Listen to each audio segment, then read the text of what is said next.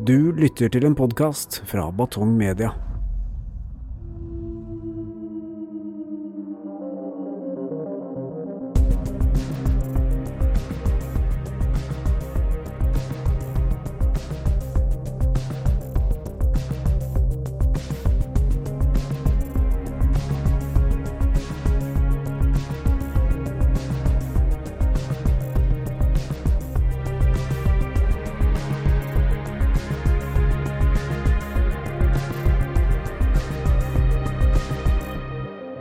Veldig spesiell sak. Er det greit, liksom, at politiet bare dukker opp åtte mann med våpen og utsetter noen for sånne ting? Når grunnlaget liksom er så tynt. Jeg syns jo det er spesielt. Jeg tror jeg handler litt om min fortid òg, siden jeg har, vært, eh, har sittet inne. Den 10. juli 2014 spaserte en mann med skjegg, ikledd mørke klær og sort lue inn i Trøgstad Sparebanks filial i Fettsund. Med seg inn i banken hadde han med seg to bunnprisposer og en pistol.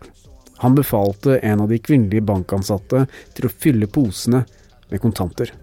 Raneren ble ikke pågrepet for dette ranet, og han kom seg unna med litt under en halv million kroner i de hvite, svarte og gule posene. Saken ble et mysterium i åtte lange år, helt fram til politiet i Lillestrøm gjorde et stort gjennombrudd. Det var i hvert fall det de trodde. Sommeren 2022 gikk politiet til pågripelse av Trond Normanseth og beskyldte han for å stå bak det frekke ranet i Fettsund i 2014. Dette skulle vise seg å være en alvorlig feil fra politiets side. I denne episoden får du høre Trond Normanseth, som selv forteller hvordan han opplevde å bli pågrepet og siktet for noe han ikke hadde gjort. Det er, det er så enkelt, da, mener jeg, da. Hvis du googler meg, så skjønner du hvem jeg er i dag. Jeg, jeg, jeg, ligger så mye ute av meg. Så det skulle være, og, hvis du sjekker Brønnøysundregisteret, så ser du hvilken vei jeg er på. Jeg sitter i en del lag og foreninger, og da sitter jeg i Eidsvoll menighetsråd, og nå sitter jeg i Langsets eh, menighetsråd. Jeg har uh, vært kirketjener i mange år. Jeg driver med hjelpa som voksen i barnekor i, i, på Rålt. Driver en uh, kristen motorsykkelklubb, nasjonalt, ja. internasjonalt. Uh, så liksom det har gått siden 2010, så har det vært veldig mye innafor den sjangeren der. Ja. Så jeg jobba i frivilligheten i hvert fall tolv år.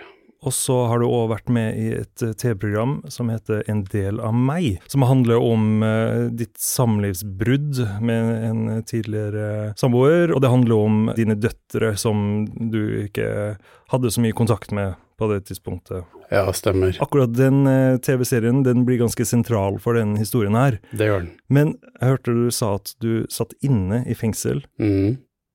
Kan du fortelle hva det gjaldt? Ja, det gjaldt jo egentlig veldig mange uh, småhendelser, vinningsforbrytelser. Det er det det har gått på. Så jeg har jo hatt en uro fortid som uh, barn og ungdom. Så jeg har drevet og naska og gjort mye tull. Uh, egentlig aldri blitt tatt, tatt ordentlig. ble tatt av politiet, sluppet ut igjen samme dagen.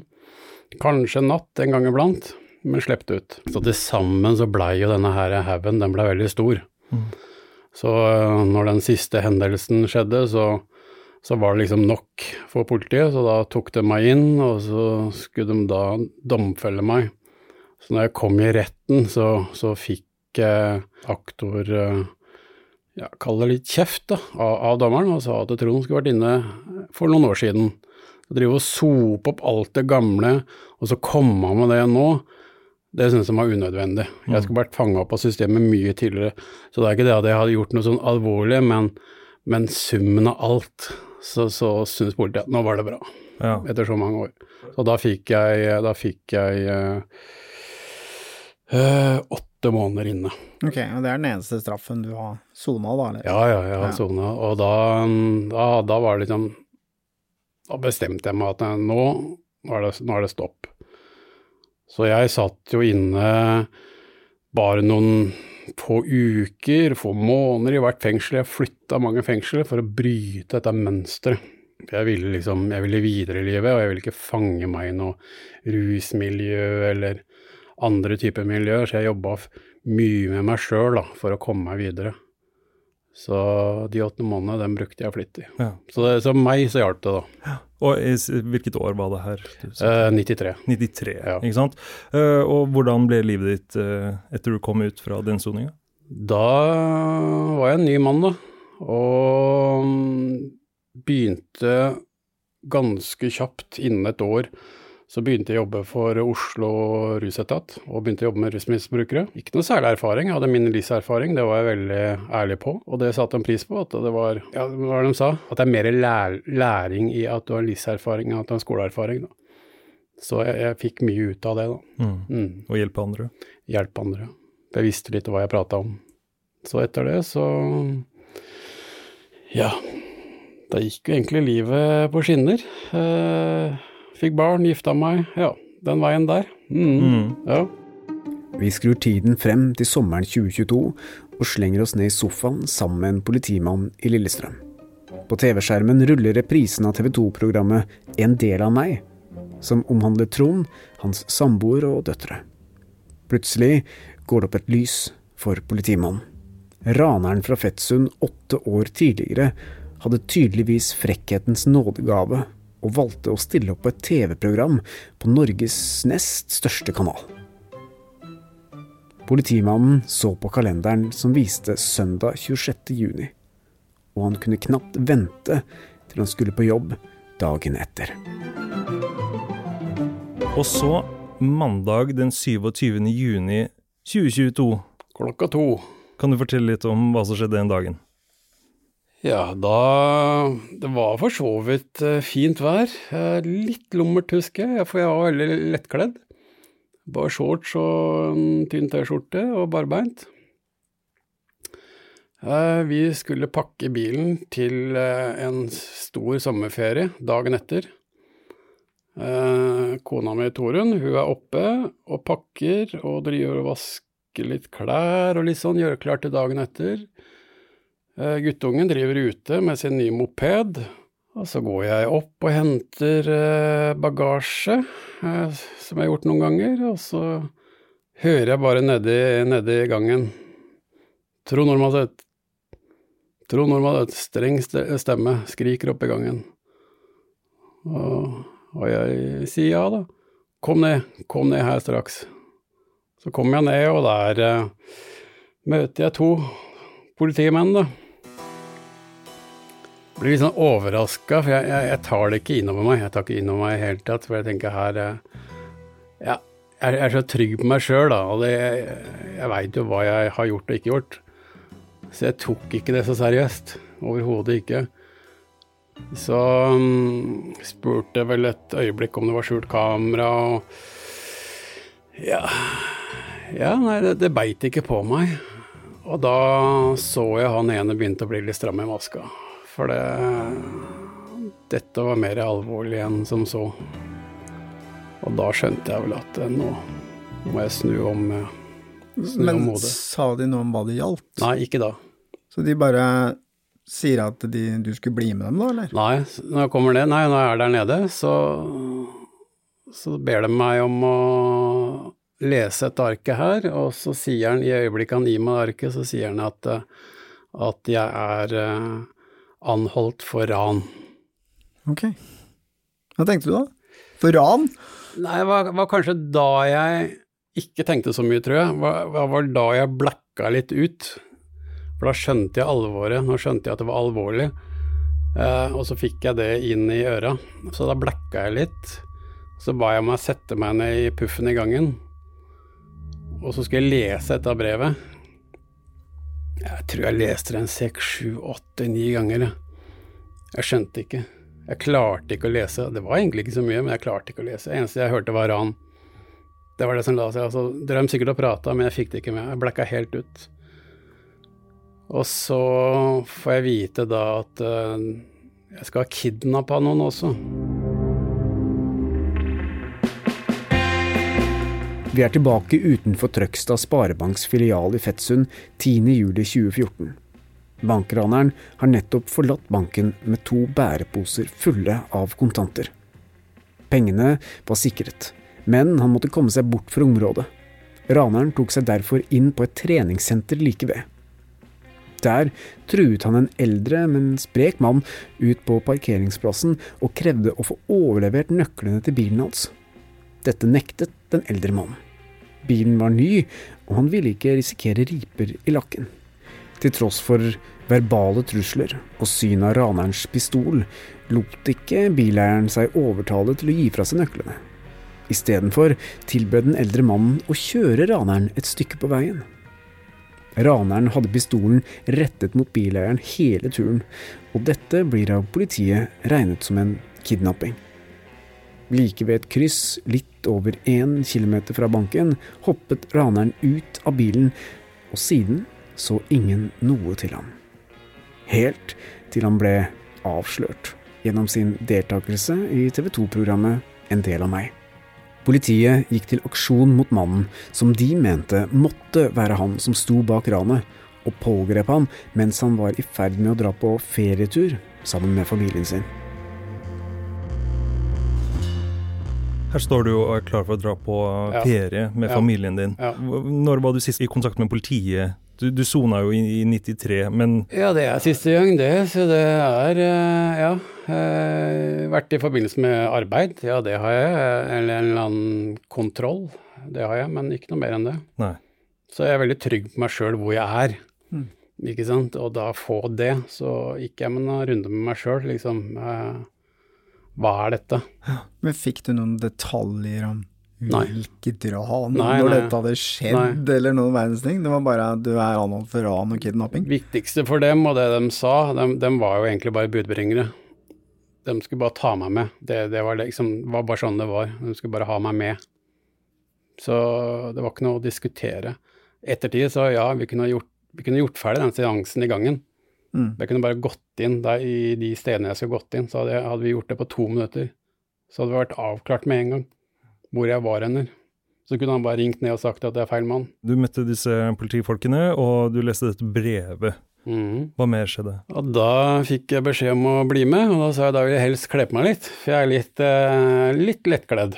Jeg har på meg en tynn shorts og ikke noe under, og en T-skjorte, så jeg vil gjerne ha på meg litt mer, da. Ja, det var greit, så vi gikk opp på, i stua, og med, en gang vi går opp, så da vil de gjerne ha litt telefoner og PC, liksom alt sånn utstyr. Og da ser de jo hva vi har, og da ber de om at vi skal låse opp noen safer som vi har, for de skal ha tilgang til det. For her skal man ha full husransakelse. Det er da vi får vite at eh, de skal sjekke hele huset. Ja.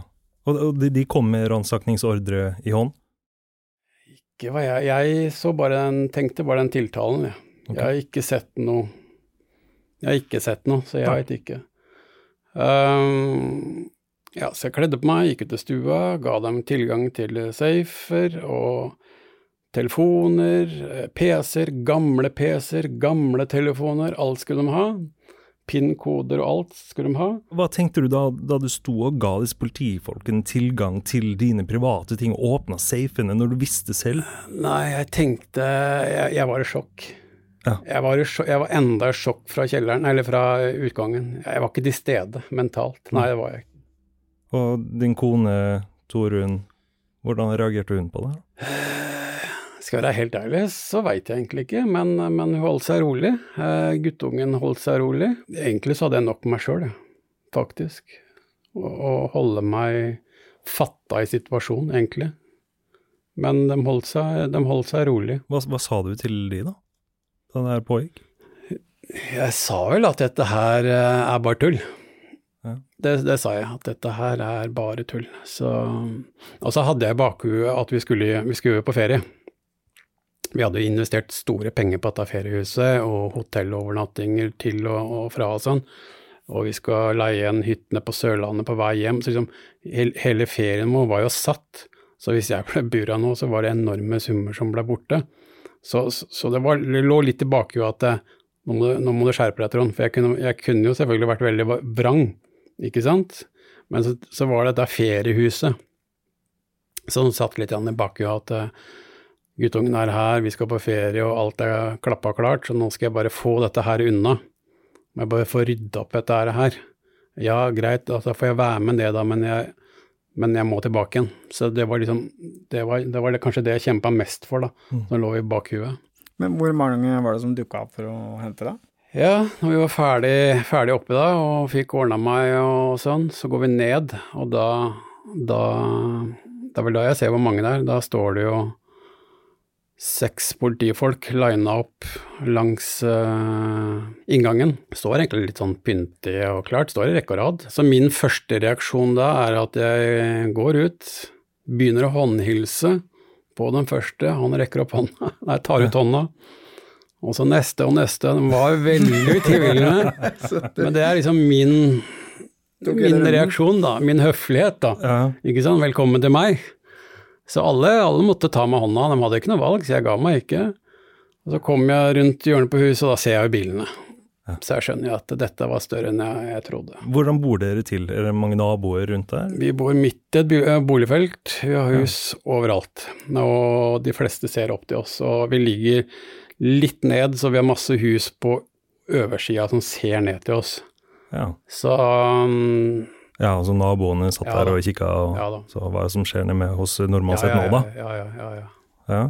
Og Torunn og guttungen dem fikk beskjed om å forlate huset. De skulle ikke være der.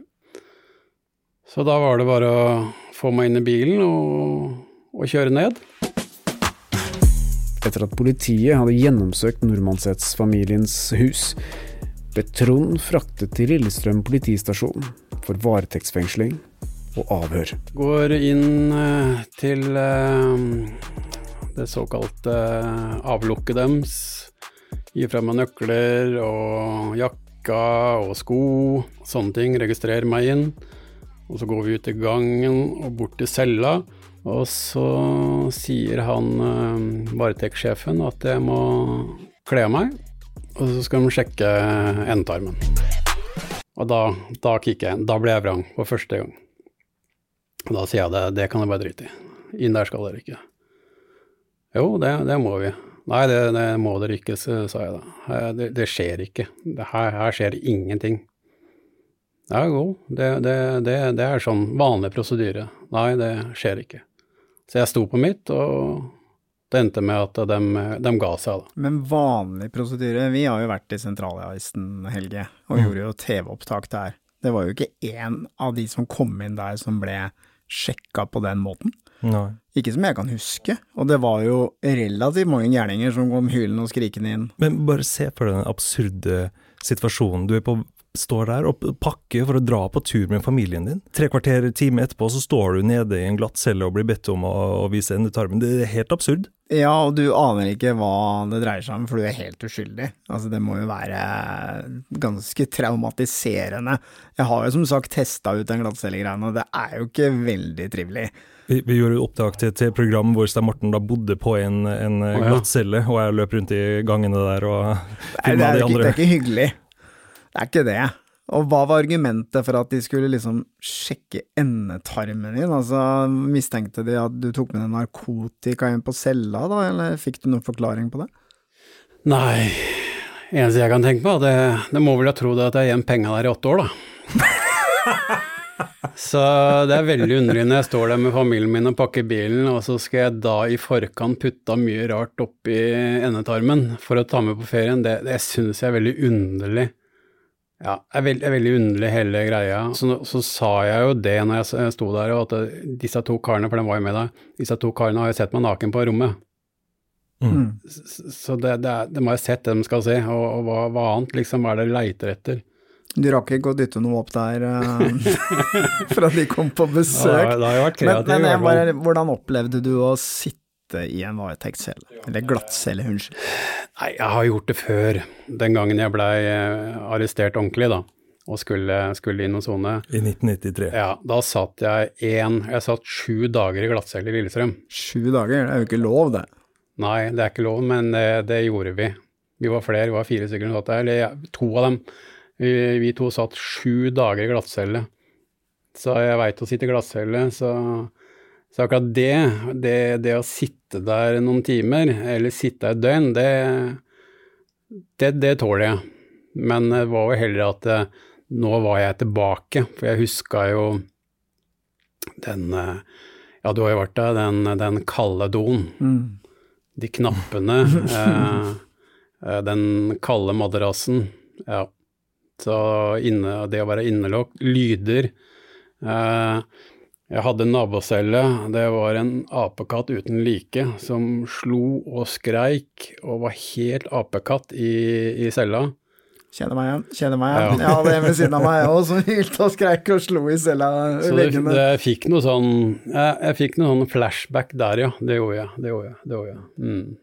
Hvor lenge ble du sittende der, da? Før det skjedde noe? En times tid, tenker jeg, satt jeg der. Ok, du, du sitter en time, og Ja. så Hva skjer etter at du sitter på cella i en times tid?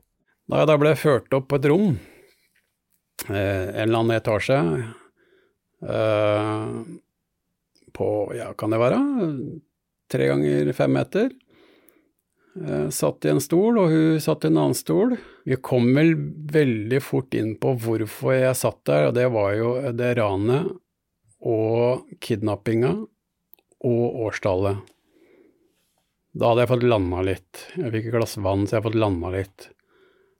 Og så lurte jeg på hvor jeg var den dagen i 2014. Ja, dette er altså 10. juli 2014. Da ble det altså begått et uh, ran mot Trøgstad Sparebanksfilial i Fettsund, hvor en uh, mann gikk uh, inn i banken og klarte å få med seg en halv million kroner i to bunnprisposer. Men hvorfor satt du der på grunn av det? Åtte år etter. Fordi de hadde fått inn en etterforskningsleder, en ny en, eh, som hadde sittet en sein kveld og sett på et eh, program som jeg var med i da, en del av meg, på TV 2. En, da hadde han sett på reprise. Og så hadde han eh, sett meg på TV-en og tenkt hm, han der ligner veldig fælt på han jeg har på kontoret. Ja, dette det programmet, hvor en del av meg, hvor du prata om samlivsbrudd og døtrene dine. Det satt politimannen og så på, Ja. og da så han at du ligna på denne Ja. karen som eh, de hadde overvåkningsbilde av inne fra denne banken. Ja, som hang på kontoret hans. Så det han gjorde, han satte seg inn i bilen, kjørte ned til kontoret sitt, og kunne mest sannsynlig si at dette var meg. Mest sannsynlig. Mest sannsynlig. Så da hadde han, om det var samme kveld eller dagen etterpå, det vet ikke jeg, men da hadde han i hvert fall innkalt eh, teamet sitt og sagt hva han hadde funnet, og dem hadde konkludert med at det var 51 sannsynlighet for at dette var meg. Det var da grunn nok til å dukke opp med åtte bevæpna politifolk og Ja. kaste deg på glattcelle. Se der, har vi bildet. Her har vi bildet av eh, personen som faktisk gikk inn i eh, banken. Det var det Og- første jeg så. Syns ikke det er så veldig Er Det er snarlikt. Snarlikt er det. Her er en kar med en Men svarte den klær. gangen der, så skal det sies, den gangen der så hadde jeg den uh, skjeggklippet. Okay. Da du ble pågrepet Ja, i 22, ja. Hadde jeg den, Ja. det klipp, eh, skjeggklippet der. Mens det bildet her er jo, var jo i 22, da var jo det åtte år gammelt Ja. inn. Og når, jeg, når dette ranet skjedde, så hadde jeg helskjegg. Trond lignet kanskje litt på raneren da han var med i TV-programmet på TV 2 i 2022, men tilbake i 2014 hadde Trond helskjegg. Det skulle også vise seg gjennom forklaringen til den ene bankansatte at skjegget til raneren mest sannsynlig var tegnet på med tusj for å forvirre politiet. Dette fungerte også utmerket. Altså Bare se for deg det øyeblikket når han sitter der og ser på dette programmet, en del av meg, og så går det opp for han at der har vi den! Ja, Der er bankranet. tenk så deilig. Ja, og så settes hele det sirkuset her i gang. Det er Ja, altså ny, og så er han eh, ny i avdelinga, og sikkert en veldig sterk eh, karakter, så han klarte nok å overbevise folka, ja. Du blir konfrontert med dette ranet, og det skal du ha begått mm. Åtte år før. Hvordan eh, foregikk dette avhøret? Ja, så sa jeg eneste jeg kan uh, motbevise det, sa jeg, da jeg må jeg få telefonen min. For der er jo hele livet mitt. Jeg kan ikke huske tilbake åtte år, det, det går jo ikke. ikke sant? Jeg kan ikke huske tilbake et år engang hvor jeg var den datoen. Så det, det må jeg ha. Det er, Men ok, du gikk rett dit, og, og for du her tenkte du her har muligens et alibi. Ja, men jeg visste jo at eh, jeg var jo ikke Det er jo ikke meg, så jeg måtte bare finne Jeg er veldig flink på å skrive ting i kalenderen min. Veldig flink. Jeg er veldig glemsom, så jeg, legger kalenderen min veldig godt. Og så tenkte jeg, har jeg ikke det der, så er jeg på Facebook, for jeg er flink til å, jeg er flink til å legge ut bilder. Har jeg det ikke der, så går jeg på nettbanken, og så, hvor har jeg hatt bevegelseshender. Uh, og det siste må jo ha vært på å prate med kona, da. Ja. Så hvor var vi hender? Men fikk du tilgang til telefonen vår? Nei, det fikk jeg ikke. De ville ha, ville ha PIN-koder og alt. Ok, de skulle sjekke. De skulle sjekke, så dette skulle jeg bare eh, ta det helt med ro. Eh, Så jeg måtte gi fra meg PIN-koden på telefonen, jeg skulle måtte gi fra meg koden på Facebook, jeg måtte gi fra meg koden på nettbanken min. Men jeg bare, jeg bare, bare lurer på en ting. For hvis du sitter som politietterforsker og du har sett deg på et TV-program og tenker at det ligner, er det ikke rimelig å anta da at du gjør noen undersøkelser før du går til pågripelse? For eksempel sjekke ut Facebook-kontoen din, sjekke ut de bildene fra den gangen, sammenligne det. Det hadde de ikke gjort. Nei. Nei da, det var bare rett på døra di. Eller google, har de googla, så hadde de sett hvor jeg var en tidsprogrammet. Det, Ja, var jo i, det, det var jo på Google, det var jo på VGTV, NRK. Her er en artikkel fra NRK Nordland. Her krasjer ferga inn i kaia for andre gang i dag. Uh, MF Godfjord hadde stor fart da den kjørte rett i kaia. Og her står det blant annet at Trond Nordmann sitt var med samboeren og sin eh, to barn på bilferie på vei til Brønnøysund. De satt ned i bilen på bildekket da ferga kolliderte i kaia første gangen. Og så går det videre om eh, litt om din reaksjon og sånn. Så dette her var altså 7. juli 2014. Det var litt artig, NRK sto jo på kaia Å ja. Og filma det. Vi fikk akkurat filma det, den lille snutten. Så, så du kan si at det var et TV-program som fikk deg i heisen, og så var det et TV-program som fikk deg renvasket. Det, det er litt gøy. Altså, det, det her var jo tre dager før dette ranet. eh, Ja, og da hadde jeg også et så- intervju med VG på båten, bare så det er sagt òg, da. Ja, ok. Ja, Men så- det, det er jo en teoretisk Ja. mulighet, da, siden dette var tre dager før Ja. dette ranet, at du kan istedenfor å dra til Brønnøysund eh, sammen med din familie, så kunne du dratt ned igjen til Fettsund for å begå bankran. Ja, ja. Men eh, du, hadde du beviser for at du Ja, var et annet sted enn ja, tiende da. òg? Ja, for det er klart, vi fyller jo bensin på denne bilen nedover, da. Så, så det i, På ransdagen, da, i det øyeblikket, så fylte vi drivstoff i Trøndelag. Ja, du var et stykke unna. Det er ganske stykke unna, så da skulle jeg kjørt fryktelig fort. Eller så kunne, kunne Torunn ha vært med på da, og guttungen. Ja. Så kunne jeg reist i forkant og rana, og så kunne de ha kjørt ned. Klart, det er en sannsynlighet, ikke sant? Perfekt alibi. Ja, ja, kjempe, kjempealibi. Ja. Så, mm, ja, så når jeg så på bankutdragene mine, så så jeg jo hvor jeg hadde fylt den, ikke sant. Men hvor lang tid tok det da før politiet avhøret der skjønte at eh, kanskje vi har bomma litt? Å, det tok mange uker, det. Det tok mange Oi. uker, ja. Ja. Ok. Så det ble ikke avklart der, nei. Men, men hvor, hvor lenge varte det avhøret? Åh, fem, fire, fem timer kanskje, tenker jeg. Ok. Satt jeg der. Ja, det var ganske lenge. Det var mange stunder jeg satt aleine òg. Rolig som jeg er, da, for jeg var så trygg på meg sjøl. Da, da jeg landa litt, så jeg visste at dette er jo ikke meg. Så nå, nå er det bare for å Nå får de bare Nå har jeg gitt dem alle passord og alt. Nå sitter de sikkert der inne og sjekker med liksom, PC-ene sine og seks-sju mann, jeg veit ikke hva mange av dem har. Så da begynte jeg å lage papirfly av tiltalen og måtte gjøre noe, da, for jeg satt der veldig aleine. Så jeg begynte å lage papirfly og kjede meg litt og reise meg litt opp og gå litt og Men hadde du ikke i bakhodet at eh, det er jo mange som har blitt dømt til tross for at de er uskyldige? Du var ikke urolig for at eh, Nei, noe sånt kunne skje med deg? håpet mitt var jo at eh, jeg hadde spor eh, på Facebook og ja, på kort, og at jeg hadde spor. Jeg, jeg husker, jeg veit jo at jeg er veldig flink på å skrive på kalenderen. Så, men det slo jo meg noen ganger, da. Har jeg vært i Lillestrøm og handla noe? Har jeg vært på Finn og handla? Har jeg vært nede og henta en stol, eller har jeg vært i det området? Da er jeg ferdig. Det visste jeg jo. Så det, det, det slo jeg meg da. Mm. Men igjen så er liksom Jeg var så sikker på meg sjøl. At nei, jeg har ikke gjort det, så Men ja. Du ga politiet innlogging til Mm. Facebook og telefonen din og sånn. Føltes ikke det veldig sånn invaderende når du Jo, visste jeg- at du hadde ikke gjort det? Men jeg hadde ikke noe valg. Jeg hadde jo ikke noe Det var ikke rom for å diskutere her. For, fortalte du at du ja, men jeg har vært i Trøndelag på det tidspunktet? Nei, Nei, det, var visste jeg du ikke. klar- Nei, det var ikke jeg klar over. Nei, nei, nei, Jeg nei. bare regner med at de jobba som fy, ja, så i løpet av en time så var jeg ute. Ja. Men du har jo krav på bistand fra en advokat når de skal avhøre deg. Fikk du ikke noe tilbud om det? Jo, jeg fikk jo tilbud underveis å ringe, ringe Lærum. Min, da hadde jeg Lærum den gangen, Gunnar Lærum. Men Lærum eh, sa til meg at eh, Trond, har du gjort det? Nei, det har jeg ikke. Nei, skal jeg være med? Jeg må ikke være med, men skal jeg være med? Nei, jeg, jeg har ikke gjort det, så det gjør ikke noe om du er med eller ikke. Så, så da sa jeg at nei, men denne runden her tar jeg sjøl. Klassisk feil. Jeg var kanskje det. Ja. Ja, det var det det var.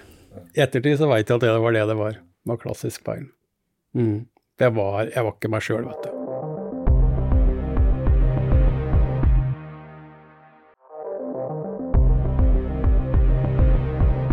Hvor gikk eh, turen etter du var ferdig med dette fem timer lange avhøret? Så da sa de det at eh, Nei, foreløpig så kan vi, kan vi la deg gå. Men eh, vi må vite hvor du skal på ferie, da. Så jeg måtte skrive ned hvor jeg skulle til enhver tid, de stedene vi har leid, og tidsruta mi. Så skulle vi snakke seinere. Jeg var ikke sjekka ut av saken. Nei, men de må ha vært i tvil. Ellers Ja. så hadde det vært eh, rett tilbake eh, på cella, vil jeg tro, da. Ja. Nei, jeg vil jo tro at hvis de hadde eh, noen konkrete bevis mot deg, så ville du blitt fengsla. Så den var vel litt på tynn is der, tenker jeg. Ja, det ville vel at jeg skulle innrømme.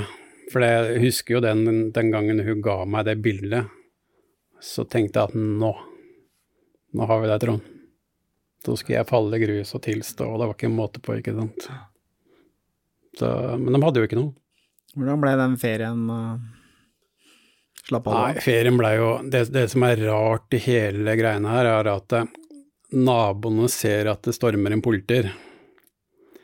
Og jeg kommer hjem, og det høljeregner, det er mørkt. Ingen som får med seg at jeg kommer. Og tidlig dagen etterpå så reiser vi bort. Å ja, du var helt sikker på at du, du satt i spillet? Ja. Og så reiser vi på lang ferie. Jeg er borte, familien er borte. Du kan tenke deg, da. Og, og de fleste veit hvem jeg er i Eidsvoll. Praten Ja. gikk. Så praten gikk, ja. Mm. Så jeg hadde en opprydning å gjøre når jeg kom hjem. Det hadde jeg. Ta en liten naborunde. Ja, og gikk ut i lokale media nå og fortalte hva som hadde skjedd. Jeg måtte bare, ellers hadde jo hele omdømmet mitt ryket. Så de brukte altså mange uker på å Ja sjekke deg ut av starten? Ja, så omsider så blei jeg sjekka ut. Og så gikk det noen dager, så kom en etterforsker, en kar, med alle gjenstandene han hadde tatt. PC-er, telefoner, øh, minnebrikker. Ja, alt av interesse. Og da fikk du en unnskyldning, eller? Nei da, ingenting. Tok ikke med en blomst til kona, ingenting. Det var bare å overlevere. Han fikk en kaffekopp av meg, og så, og så dro han. Eh, De ble jo latterliggjort i eh, media pga. denne saken her, og de uttalte jo at eh, beslutningen om å pågripe det hadde grunnlag i adskillig mer enn intuisjon og magefølelse. Politiet var av den oppfatning av at det var skjellig grunn til mistanke om at Normanseth var riktig gjerningsperson på tidspunktet for pågripelsen. Så hva andre bevis enn at du ligna på bildet la de fram for deg i avhøret? Det etterforskeren sa under eh, avhøret, var at uh, min tidligere dom, min tidligere fortid uh, Og jeg er jo Lillestrøm-gutt, så jeg er veldig kjent i området her også. Uh, og mitt MC-miljø. Har du rana en bank før? Nei, det har jeg ikke gjort. Eh, Politiet fikk jo spørsmål fra media eh, hva denne skjellige grunnen kunne være, da, og, men da fortalte politiet at de hadde taushetsplikt og ikke kunne uttale seg om eh, noe mer om siktelsesgrunnlaget. Taushetsplikt overfor hvem da? Ja. Og, Ja. Og for deg, da, eller? ja, for ja. du eh, går ut fra at du vil være ganske interessert i å høre hva som var grunnlaget her. Ja, ja. Nei, så det er jo Det er vel at jeg var en byting før, da. Ikke sant? Vi hadde jo ikke noe Vi hadde, drev ikke med noe idrett, ikke sant. Vi vanka jo nede på Lillestrøm, vi var en svær gjeng, ikke sant. Ja, vi var ramp. Vi var jo en gjeng på 60-70 stykker, ikke sant. Vi var berykta av det Lillestrøm der. Så det var voldsomme greier. Eh, Så, så det var en svær gjeng som gjorde mye uro, og jeg var en del av den. For en evighet siden. Ikke sant. Ja. Snart. Det var ungdomstida mi, ikke sant. Jeg hadde jo jeg var rotløs, ikke sant. Jeg hadde jo ikke noe familie som fulgte meg opp, eller Og det gjaldt jo alle gutta, ikke sant. Vi, vi var jo dem vi var på grunn av mye, ikke sant. Så vi gjorde ikke det. Vi gjorde ikke ting for å være eh, voldelige eller ugreie. Vi var ikke noen voldelige personer, det var vi ikke. Det vil jeg påstå ikke var. Det absolutt ikke. Nei. Men det lå jo nesten 30 år Ja. tilbake i tid. Ja. Og du fikk livet ditt på skinner ja. i god tid før den pågripelsen. veldig god tid eh, før den pågripelsen, og, og jeg har aldri hatt noe tull. Og ja, som sagt, den kunne bare ha googla meg, så hadde de funnet ut hvem Trond var i dag. Og Én ting er å få en beklagelse, men etter eh, Som personlig, da, hvis jeg hadde opplevd det du hadde opplevd der, Ja, som ja. er altså et eh, grovt overtramp eh, Ja, ja, altså, så det syns jeg tror er hadde- merkelig, da. tror jeg hadde kanskje sett etter noe mer enn en beklagelse. Har du gjort det? Ja, jeg, det, det som slo meg da, når, når, når etterforskeren kom med de tinga hjem til oss, så hadde jeg håpa og trodd oppriktig at eh, det, var, det kommer med en blomst til kona, i hvert fall. da. Såpass. Gjør noe, liksom. Ikke sant. Gjør noe, vis litt menneskelighet i dette her, da. Ikke sant. Eh, kom med noe, ikke sant. Eh, men nei. Men det er jo sånne tilfeller hvor man kan ha krav på oppreisning eller erstatning. Ja. Så, så jeg kontakta jo uh, Elden, jeg, da, denne gang. Jon Christian Elden. Jon Christian Elden. Eh, og spurte åssen jeg skal gå fram her. Eh, er det Ja. Så han sa han tar saken, og det gikk smekk, smekk, smekk, og han eh, sendte inn erstatningskrav, og, og det tar jo sin tid, da. Så nå er det snart et, ett år siden jeg, de mottok søknaden, og har ikke hørt den enda. Så vi har sendt et krav på rundt 70 000. Men du fikk jo litt, det var jo en grunn til at du ba om erstatning, for du, Ja. du trengte jo litt hjelp i etterkant. Ja, for det var jo veldig Jeg merka jo på livet mitt sjøl òg at jeg i første, første måned var jeg veldig urolig. Merka meg sjøl veldig urolig, engstelig, lyder ja, Jeg merka at jeg hadde en endring da i atferden min. Så jeg tenkte at her, her må jeg få rydda opp noe. Her må jeg få livet mitt på riktig vei igjen. Altså Én ting er jo ja, at du har hatt problemer i etterkant og sånn, men det- var en sånn prinsippsak. At når de gjør det de gjorde i ditt tilfelle, da, så bør de få en liten smekk på lanken. Ja, så mener jeg, Hvis du skal mene at jeg, da, som sier jeg gjorde gærne ting da jeg var yngre, at sånn kan du ikke gjøre, Trond, så nå må du skjerpe deg. Og så, ja, så blir jeg arrestert, da, så gjør jeg det. Tar jeg soninga mi. Og så skjerper jeg meg. Så forventer jeg at jeg får samme respekten tilbake. Ikke At sant? ikke det blir brukt mot deg resten av livet. Ja, ikke sant. Ja, da blir jeg aldri ferdig med, det. Åssen skal jeg skjerpe meg da, hvis, hvis det er et eller annet i nærmiljøet, så Nei, vi henter han, for han passer best. Mm. Istedenfor å Ja, istedenfor å Sånn som vi gjorde med en annen sak her, da.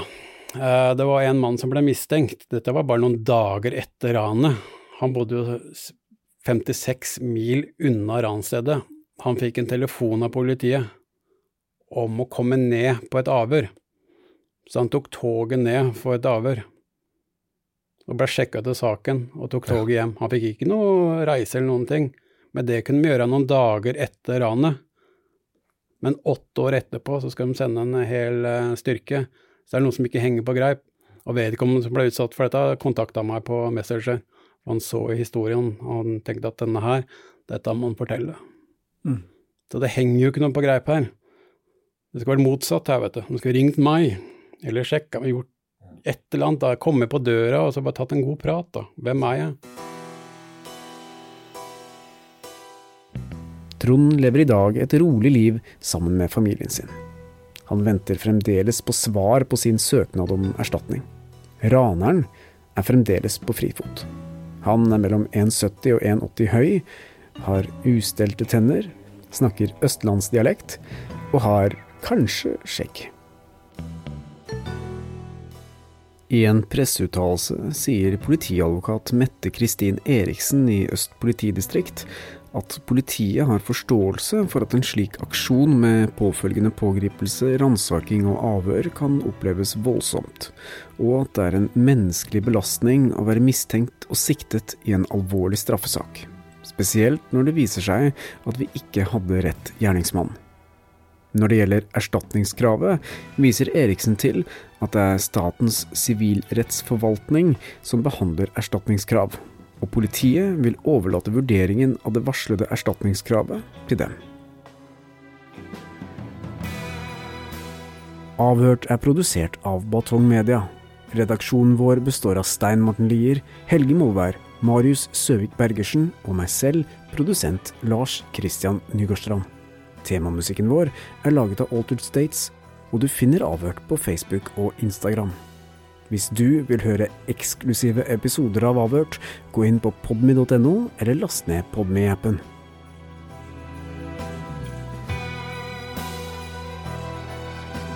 Ansvarlig redaktør i Batong Media er Stein Morten Lier.